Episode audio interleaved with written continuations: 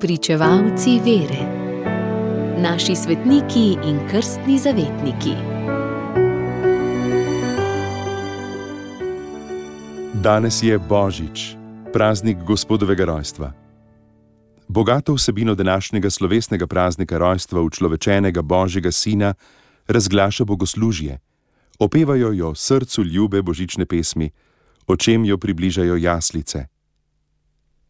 Vsekakor je bil božični praznik uveden precej pozneje, kakor Velika noč, praznik Kristusovega trpljenja in ustajenja, v katerem je na neki način povzeta celotna skrivnost odrešenja, tudi rojstva, ki pomeni začetek odrešenja. Natančnega dne Jezusovega rojstva niti ne poznamo, čeprav je to rojstvo zgodovinsko dejstvo, po katerem štejemo leta. Ob koncu drugega stoletja so kristijani že začeli premišljati o datumu Kristusovega rojstva, kar so nekateri cerkveni učitelji imeli le za streženje radovednosti. Na vzhodu so datum Jezusovega rojstva postavljali v pomladanski čas, konec marca, začetek aprila, sredi maja. Ko so se pozneje odločali za najbolj ustrezen datum, to naj bi se zgodilo sredi četrtega stoletja, so vzeli tisti čas leta, ko se začenjajo dnevi spet daljšati. 25. december, kot praznik Jezusovega rojstva, je za crkvo v Rimu z gotovostjo izpričan vsaj že za leto 336. Nekateri raziskovalci pa menijo, da je bil 25. december kot praznik Jezusovega rojstva določen leta 275 in sicer kot krščanski odgovor na odlog cesarja Aureliana, s katerim je rojstni dan nezmaganega sonca, ki so ga dotlej obhajali le na vzhodu, razglasil za obvezni državni praznik.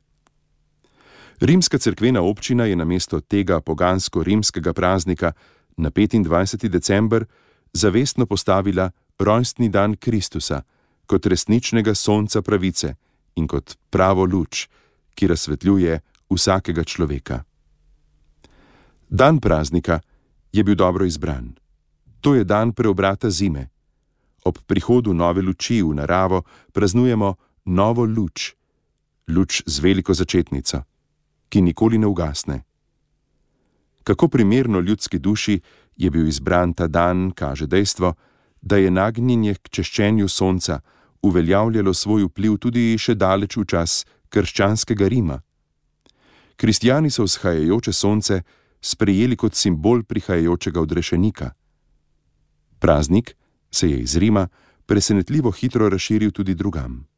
Sveti Leon Veliki je zapisal: Danes ne sme biti v nas prostora za žalost, saj se je rodilo življenje, tisto življenje, ki odstranja strah pred smrtjo in nam daje veselje zaradi večnih obljub.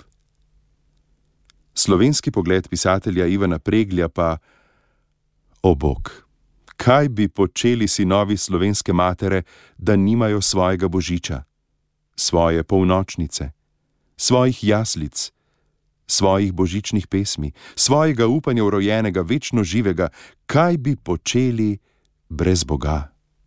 Anton Strle pa trdi: Učlovečenje večne besede je tečaj zgodovine in našega življenja. Radio Ognišče, vaš duhovni sopotnik.